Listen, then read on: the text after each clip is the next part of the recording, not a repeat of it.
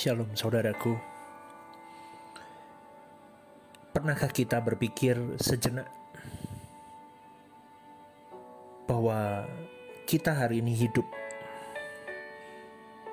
Dari kita tidak ada menjadi ada. Dan itu Allah lah yang mengadakannya Dengan menghadirkan seorang pribadi Yaitu diri kita sendiri Ketika saya merenungkan hal ini, saya mulai berpikir, Tuhan pasti punya agenda. Kenapa Dia menciptakan aku di muka bumi ini? Dan agenda itu seharusnya kita taking serious atau kita pedulikan dengan serius. Dan sebagai pribadi yang diciptakan oleh Sang Pencipta, seharusnya keakuan agendaku pribadi sudah tidak ada lagi. Itu yang menjadi perenungan saya hari-hari ini, saudaraku.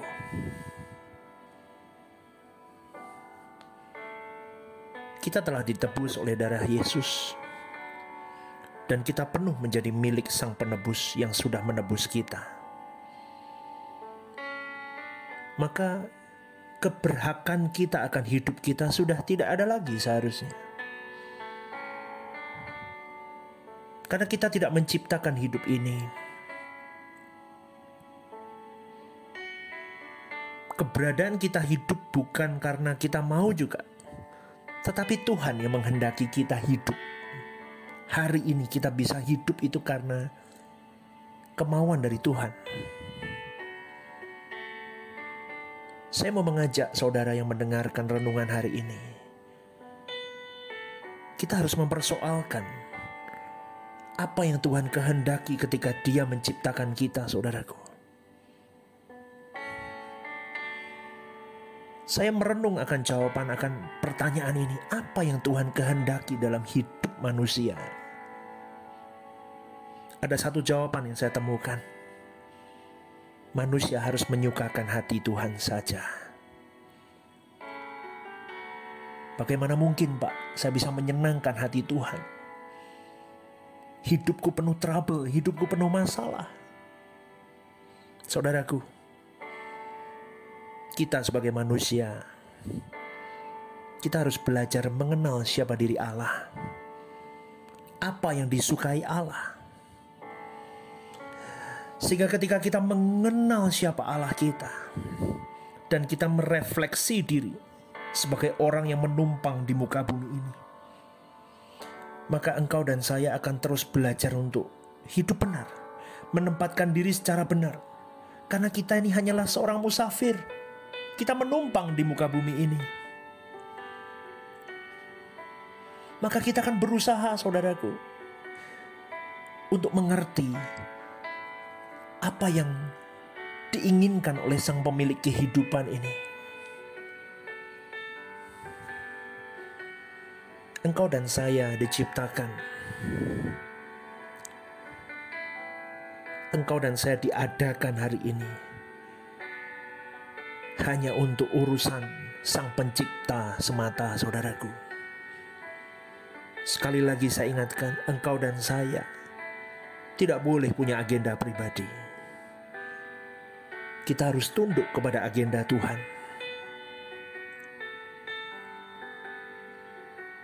Saudaraku yang dikasih oleh Tuhan, pemberontakan apa pun caranya, apa pun alasannya, apa pun reason yang diungkapkan oleh seorang pemberontak, pemberontak tetaplah pemberontak, tetap salah di mata Allah engkau dan saya pastikan bahwa kita bukan pribadi-pribadi yang memberontak kepada kebenaran Tuhan dan kedaulatan Tuhan.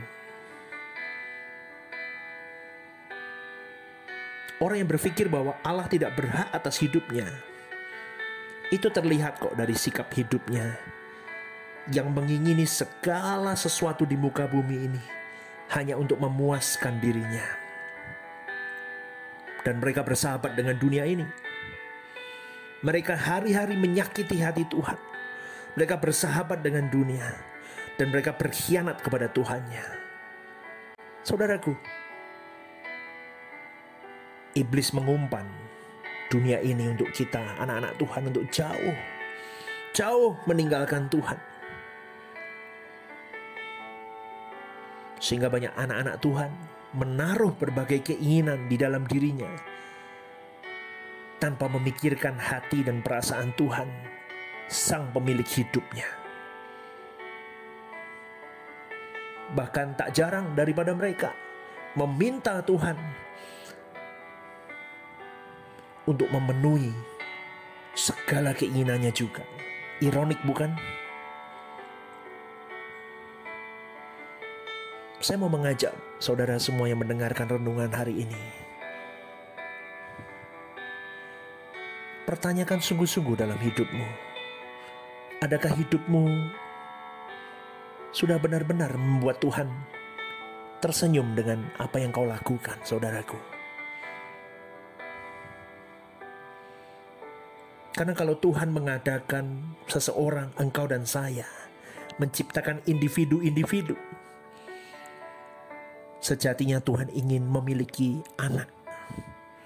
Anak yang rela mengabdi kepada Bapa dan bersekutu dengan Bapa di dalam kerelaannya. Bisa saja Tuhan menciptakan makhluk-makhluk yang diprogram seperti robot untuk terus memuliakan Dia tanpa menciptakan manusia dengan kebebasannya. Tetapi bukan itu yang dikehendaki oleh Bapa, saudaraku. Bukan itu yang dikehendaki oleh Bapa. Karena Allah ingin setiap kita dengan kerelaan hati mengabdi kepada Bapa. Saudaraku yang dikasih oleh Tuhan. Seharusnya Adam pertama yang menjadi prototipe manusia yang pantas disebut sebagai anak-anak Allah. Tetapi kenyataannya Adam gagal. Adam jatuh dalam dosa. Dan segala keturunannya pun hancur di dalam dosa.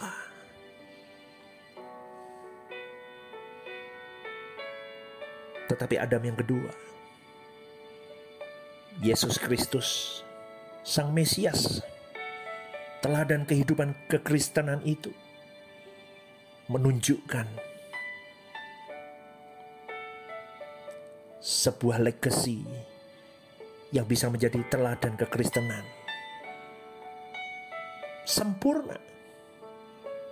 Dia melangkah hidupnya dengan ketaatan di dalam mandatnya.